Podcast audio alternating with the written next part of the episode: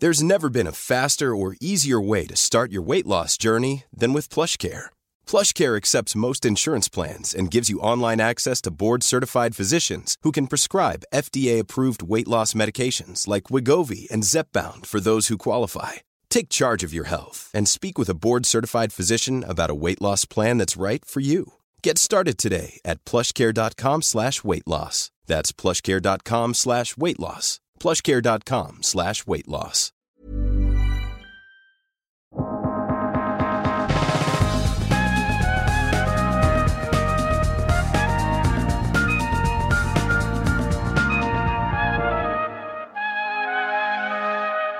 Välkommen till podden Allt du behöver veta om ny teknik.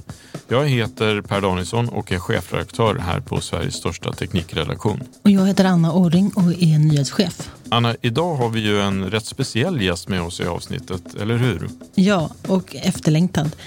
Vi har bjudit in astronauten Jessica Meir som eh, i våras återvände efter sju månader på den internationella rymdstationen ISS. Och eh, Jessica är, ska vi säga, den andra svenska astronauten som har besökt rymdstationen efter då Christer Fuglesang. Hon är svensk medborgare, har en svensk mamma som är född i Västerås och en pappa från Israel. Men själv är hon född och uppvuxen i amerikanska delstaten Maine. Som ni kommer att höra kan Jessica prata en del svenska, men intervjun genomförs framförallt på engelska. Ja, och vad är det vi kommer få höra då? Jo, bland annat hur det var att titta ner på jorden när coronaviruset spreds runt om i världen och varför hennes längtan att återvända till rymdstationen så snabbt som möjligt är så himla stark. Vi pratar också om känslan om att gå på rymdpromenad och varför hon först blev irriterad över skriverierna om den här historiska rymdpromenaden som hon genomförde med kollegan Kristina Kock. Men också om varför hon sen ändrade sig. Och sen kommer vi också få höra hur eller varför hon inte skulle tveka om hon skulle bli en av de utvalda att delta i NASAs nästa resa till månen som är planerad 2024. Och vad hon skulle svara om hon får frågan om hon vill delta i den första bemannade rymdresan till Mars. Ja, som ni förstår så blir det här ett intressant och ett rätt intensivt samtal för Jessica pratar väldigt utförligt och eh, mycket. Välkomna till podden Allt du behöver veta om ny teknik. Hi, Jessica, and welcome to our podcast. Uh, we're so glad to have you with us. Uh, how are you? And hejsan, jättetrevligt att vara här. It's great to be speaking with you today. Looking forward to it. You, you, you have some Swedish background. Can you please tell us about it? Yes, I do. My mother is from Sweden. So my parents actually met and were married in Sweden and then moved to the US in the early 70s. So I was born here in the US, but I'm a dual citizen, so still have my citizenship in Sweden. Do you, do you visit Sweden sometimes? I try to whenever I can, but of course, there hasn't been much visiting of anywhere recently since I've been back from space. But I actually did, I studied a semester abroad at Stockholm's Universitet when I was an undergraduate and have visited several times. Many of my mother's family still live in Sweden. She was really the only one that left. So, yeah, I try to get back there whenever I can, whether it's for vacation or for work visits. And hopefully, I'll be able to come again soon next year sometime so I can share a little bit more about my mission. Great. Uh, you spent uh, 205 days at the space station. Uh, do you miss it? Absolutely, every day. I would much rather be floating, and I often say gravity is overrated. It's just so much fun to be in space, and even at the end of that seven months, I wanted to stay longer. If it were up to me, I would have stayed longer, but unfortunately, it wasn't my decision, and I had to come home. But I think about it every day. You're you're actually a uh, biologist. So what's the difference to be a biologist up in space compared to on Earth? Well, you know, I think as astronauts, our backgrounds are important toward the expertise that we have. But when we're in space, you know, I kind of like to say all astronauts are created equal. And just because I'm a biolog- biologist and scientist, that doesn't mean that I'm just up there doing science. We're all very well rounded and we all have to fulfill all the job functions, whether it's the scientific experiment, fixing the toilet, changing the light bulb, going for a spacewalk.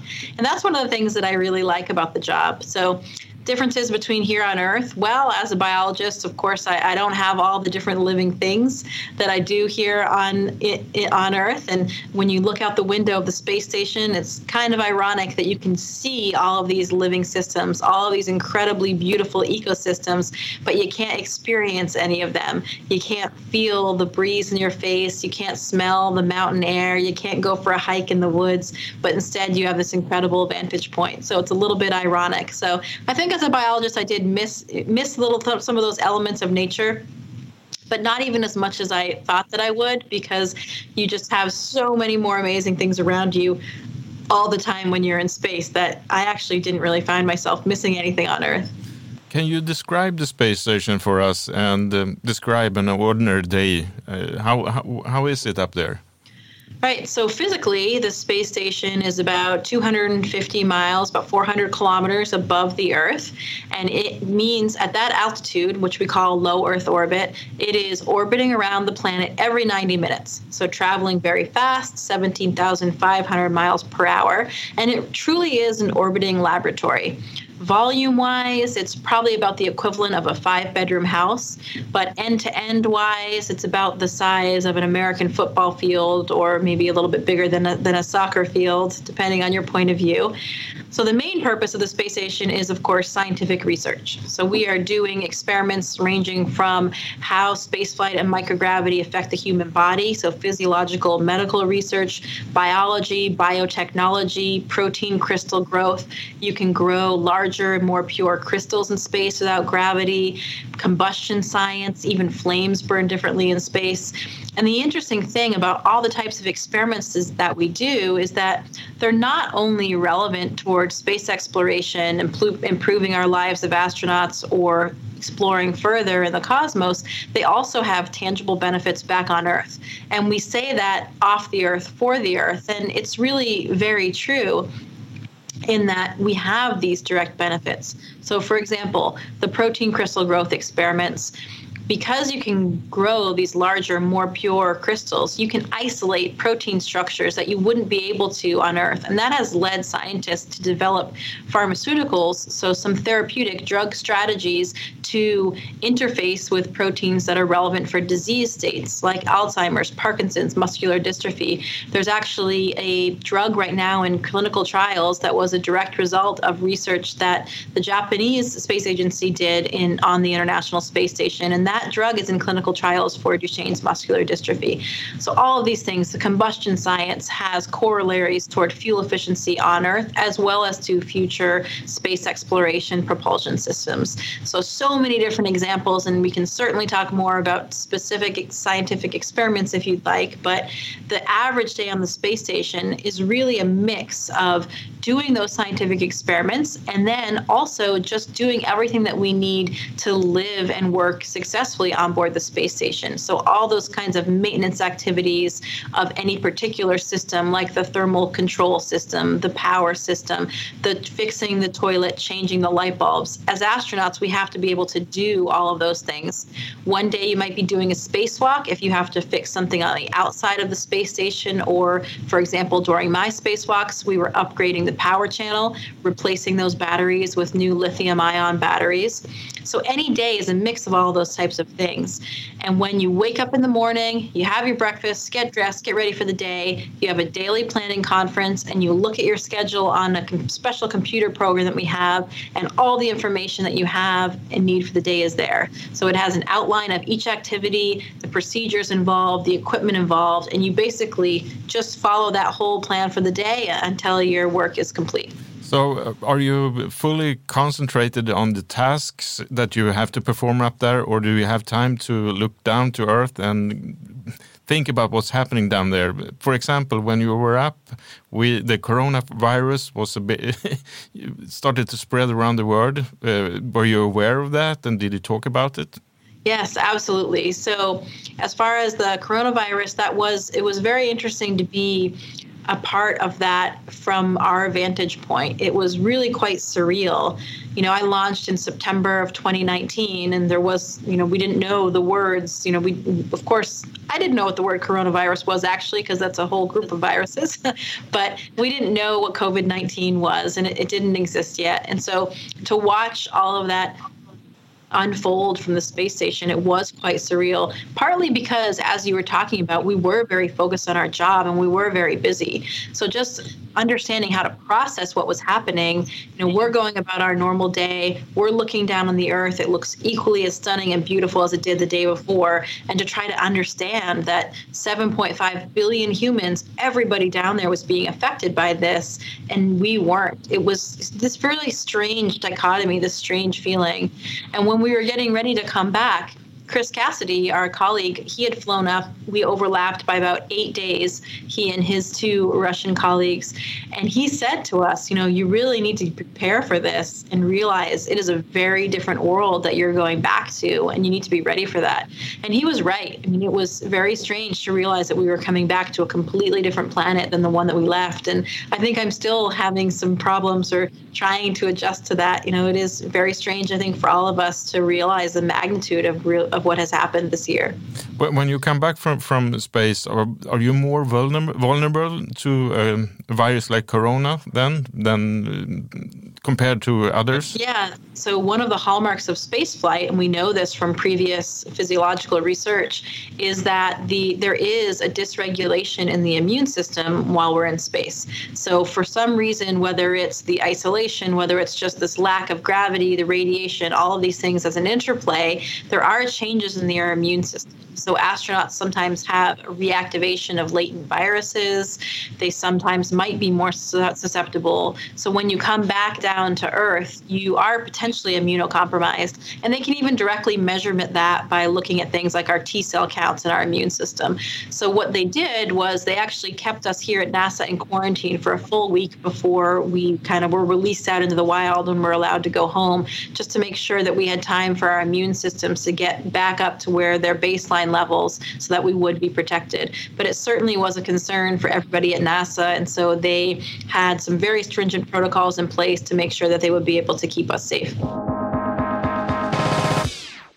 You mentioned the spacewalks, but is walk really the best word to describe this event? Because uh, all you made three sp spacewalks, and all three of them lasted for about seven hours. Yeah, that's right. And it, it is interesting that we decided to name them spacewalks. It kind of makes sense if you're on the surface of the moon or another planet because you are walking around, but we certainly are not walking when we are in pure microgravity on the space station. It's it, you're you're using your hands, you're really not using your feet to move around at all. So perhaps it could could be better named. Um, and they are quite long. You know, they are actually metabolically, it's more like the equivalent of running a marathon than it is for than going for a walk, of course, because it really does use a lot of strength in your upper body just acting against this very massive and pressurized spacesuit. So there's a lot involved. It is, as I mentioned, the, the most challenging thing mentally and physically, but also the most rewarding thing, and certainly a highlight of my mission were those three spacewalks. The first of your spacewalks uh, with Christina Koch in October last year was it was the first all-female spacewalk ever, and this became a news story all around the world. And as I understand it, at first you questioned this, uh, why it had to be such a big deal. Yeah, it's interesting how that journey kind of evolved for me because you know i think if you talk to other women in, in fields sometimes it feels like why are we just paying attention to it because i'm a woman? Shouldn't it just be you know my achievements that that got me here? So part of it is thinking that way. And you know also for me i never did feel like i couldn't do something because i was a woman. And now in hindsight i do realize that i'm very fortunate for that because of course we are, do still have a lot of ways to go in terms of making sure that we truly do have equity in not only gender but also in representing all minorities and really making sure that we are representing all of humanity when we do go further and explore. But I think for me, it did the event our our all female spacewalk did mean a lot more to me after the fact after it happened you know when we first arrived, I'd only been on the space station for a couple weeks and I was still really getting used to doing everything in space. And then I had to get ready for the spacewalk, which, as I mentioned, is the riskiest, the most challenging thing that we do. It does demand all of your focus and concentration. So I wasn't even letting myself, I didn't have time to think about that from a more philosophical context or historical the historical significance of it. But after the fact when i saw how excited and how inspired so many people were that really opened my eyes to the magnitude of what we had accomplished because of how it touched others and because of the role that it seemed to play in, in generating that kind of enthusiasm and excitement for nasa for exploration for dreams coming true all of those things. And i felt and i know christine Christina feels the same way we didn't look at it as really a personal achievement. It, we did feel like it was us just doing our jobs that day, but more so, we look at it as a tribute and an homage to the generations of women and other minorities that came before it before us when there definitely was not a seat at the table, and there were so many of those individuals that were pushing the boundaries and truly breaking those glass ceilings to allow us to be where we were today. We've come a long way. We certainly have further to go, and so now I think it's our role. I hope that they can revel in our in this success and celebrate what we've accomplished because of them. But now I think it's our turn to try to inspire and to reach out and to keep that momentum moving forward. So, you know, this event it, it certainly did mean a lot to me and does still to this day, more and more so when I when I think about it and talk to other people and understand how it touched and inspired them. Earlier this uh, fall, you were named one of the Times 100 most influential people because of that spacewalk. Yes, that's right. And that was incredibly humbling. I mean, we both felt so privileged to be part of that list, especially this year when you think about the magnitude of events that were taking place worldwide with the incredible contributions of the frontline workers, civil rights activists, so many people making such a difference. So we were definitely very surprised, but are feel very, very privileged to be part of that group. You mentioned earlier uh, about um, everybody should be feel represented in space. The ISS is an it's an international project where people work together regardless of citizenship, religion, and gender. Uh, but um, before you went to space, many wanted to claim you, like we in Sweden wanted to claim a part of you because you're a Swedish citizen. I think uh, maybe in Israel because of your father's heritage people wanted to claim a part of you, maybe also in your home state, Maine, in America, and uh, women of STEM. So, who do you feel you represent in space, and is representation and diversity important in space? I do. I think it's it's incredibly important, as I mentioned, in terms of making sure that we all go forward together. And so I'm very proud to have such international connections, really worldwide. To me, it just shows how connected we really are as humans, and how we have so many more commonalities than we do differences. And that's just something that is so easy to see from the perspective of space. You see those interconnected land masses and the oceans, and you don't see those man-made made geopolitical boundaries we've imposed on ourselves and you realize how connected we are and how we truly are one human. So I, I very much revel in that. I love that i have these connections and people claiming me all around the world because it shows that we are so connected. And i think that that is just a very important perspective that everybody could benefit from particularly with what's going on in in my country now worldwide really with everything that we're struggling with this still ongoing COVID 19 situation. We're in this together and we truly are one human. And we need to remember that in terms of how we treat each other on a daily basis, but also when it comes to how we deal with other people in other countries and all around the world.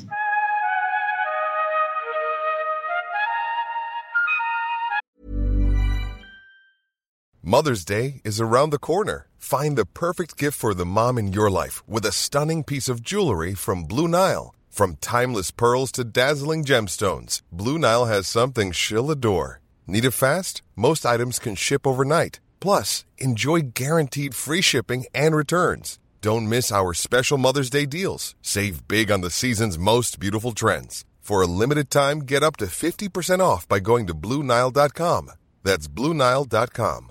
If you're struggling to lose weight, you've probably heard about weight loss medications like Wegovy or Zepbound, and you might be wondering if they're right for you. Meet PlushCare, a leading telehealth provider with doctors who are there for you day and night to partner with you in your weight loss journey. If you qualify, they can safely prescribe you medication from the comfort of your own home. To get started, visit plushcare.com slash weight loss. That's plushcare.com slash weight loss. Plushcare.com slash weight loss. So uh, you, you you train a lot before you're going up to the space station and um, simulates every process, I guess. And um, in space movies, the most exciting thing uh, or exciting part is when something un unexpected happens. Uh, so, did something unexpected happen while you were there? Yeah, it's a good question. I would say that not as many unexpected things happen as do in the movies. There's definitely always a lot more drama involved in, on the Hollywood scene, but absolutely, we do have to be ready to react to those unforeseen events and circumstances, and they do they do happen. You know, whether it's something as simple as doing an upgrade or replacing a component component on the toilet and then something breaks or something doesn't fit because it was manufactured a little bit differently and just being able to adapt to that. Or during my spacewalks in the second and third spacewalk there were both some events one in which Christina's helmet lights and camera actually became detached from her helmet which is not something that's supposed to happen and you can't actually put together outside in space so we had to react to that real time and be able to deal with it.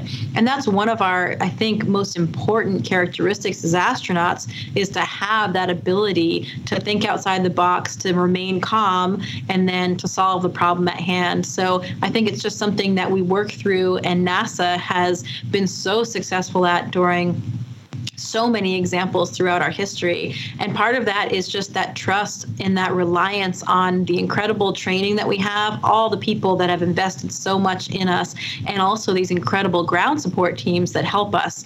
You know, when something like that does happen in space, it's not just me reacting to it. I also have my team up there, and I have an incredibly large team on the ground that's helping us solve all of those problems and react real time. And I think that's something that NASA does very well the ISS has been up there now for uh, 20 years, and um, from what I understand, the next goal is actually to uh, visit the moon uh, in a couple of years. Uh, will you be part of that journey? I hope so. You know, it is a very interesting time right now. In November this month, we are celebrating 20 years of a continuous human presence on the space station. So, pretty impressive feat. For 20 years, we've had humans on that orbiting laboratory without any break. And now we do have the Artemis program where we are looking at sending the first woman, the next man, back to the surface of the moon and eventually onto Mars. We're building the spacecraft, the Orion spacecraft, right now that we will take to those destinations and the Space Launch System. So, incredibly, incredibly exciting time for us to be astronauts. I would love to be on those missions back to the moon. That would certainly be a dream come true for me, but we'll have to wait and see how it plays out. But would you also uh, would like to travel to Mars? Sure. Once we get there and we have the infrastructure ready to be able to, to have that mission in place and bring astronauts back safely, absolutely. I would love to be a part of it. So why do we have to visit the moon and also go go further on to Mars? Well, to me, it's it's really twofold. I think first of all, it's just an inherent part of our human species to explore, to have this drive to look around the corner, to go further, and that is incredibly important for us as progressing in a society, as a civilization, to have that scientific curiosity. Basic science is what drives all of that. So I think it's very important to continue our investment in all of these types of basic science and technology and infrastructure, and that's twofold in the space program in that the things that we're doing also have these direct benefits, tangible benefits back on Earth, like we spoke about earlier with some of the specific experiments. So I think this drive, this this is just an inherent part of our human characteristic that we need to foster. And I think that there are so many outcomes and applications and benefits toward continuing that exploration to help us. The moon is the next step. We do things at NASA incrementally, go going from low Earth orbit of the space station, then to the moon, then on to Mars. It makes sense to do it that way because we can build upon and improve upon our existing technologies and take them one step at a time in order to explore. So you mentioned earlier that uh, when you returned from ISS, you were sort of quarantined at NASA. But how did you adjust to life on Earth after that? What did you do and how was it? Yeah, it was quite a difficult adjustment for me. As I mentioned, I would have stayed up there longer if I could have. I didn't really want to come home, and particularly not to this changed planet. And one when when I came home, I couldn't see my loved ones. I couldn't do the things that I hadn't been doing for seven months. So that did make it more difficult. But what cured me was actually returning to nature and immersing myself back in nature. I left Houston after the first couple months and went to see my sister in Colorado, and we spent a lot of time outdoors hiking and camping. And of course, that's one of the nice things about nature. Those are still the things that you can do safely, even though COVID 19 has changed the way that we go about our daily lives. So I found that nature really did ground me and cure me. I spent some time with my brother in California as well, hiking there in the ocean again, really just integrating back into nature. So I think that that has, that's brought me back to, to where I need to be in order to, to cope and deal with the way things are here now. You said you want to go to the moon in that uh, Artemis expedition. But do you think you will return to ISS also? I'm not sure. I would love to be on another mission. That's certainly a possibility. You know, right now we will still have many more years of the space station, so uh, it will really depend on where we need astronauts and how all of that shakes out. I could do another mission back uh, to the space station, whether it's flying with the Russians again or flying on one of these new vehicles. You know, we are launching from the U.S. again with the SpaceX Dragon, and hopefully in the near future with Boeing Starliner as well. So lots of different rides to space, which makes it it's such an interesting time to be an astronaut and to think of all the different options that are out there. We talked about that earlier. That the, the SpaceX uh, uh, suit is more much cooler than the NASA suit. I really like the the Russian Orlan suit as well. So you know, very reliable suit there. But yeah, I think things, of course, do look much more modern with SpaceX's vehicle because they are. They it's a new design, and the the Russian Soyuz design has been around for quite a long time. So just different aspects of technology we are getting closer to to the end of this interview, but uh, I have to ask you: uh, when you meet people um, that you don't know, they come up to you, ask questions. Are they inspired by you, and what kind of ask questions do they ask? Well, you'd have to ask them. I hope they're inspired, and I've received that feedback from people. But you know, there are a lot of the similar, the same types of questions that were asked again and again and again. But a lot of times, you know, it's the it's the younger kids that will sometimes ask the most interesting questions or things that you haven't even thought about yourself. But we get asked everything from how do you go to the bathroom in space, how do you sleep in space, what do you eat. A lot of these basic everyday habitability type questions are sometimes the things that people are most interested in. Right. Um, thanks a lot for this interview, and um, I hope that you will be one of the persons who goes to, to the moon. Tusen tack. Jättetrevligt att prata med dig. Hejsan till alla i Sverige.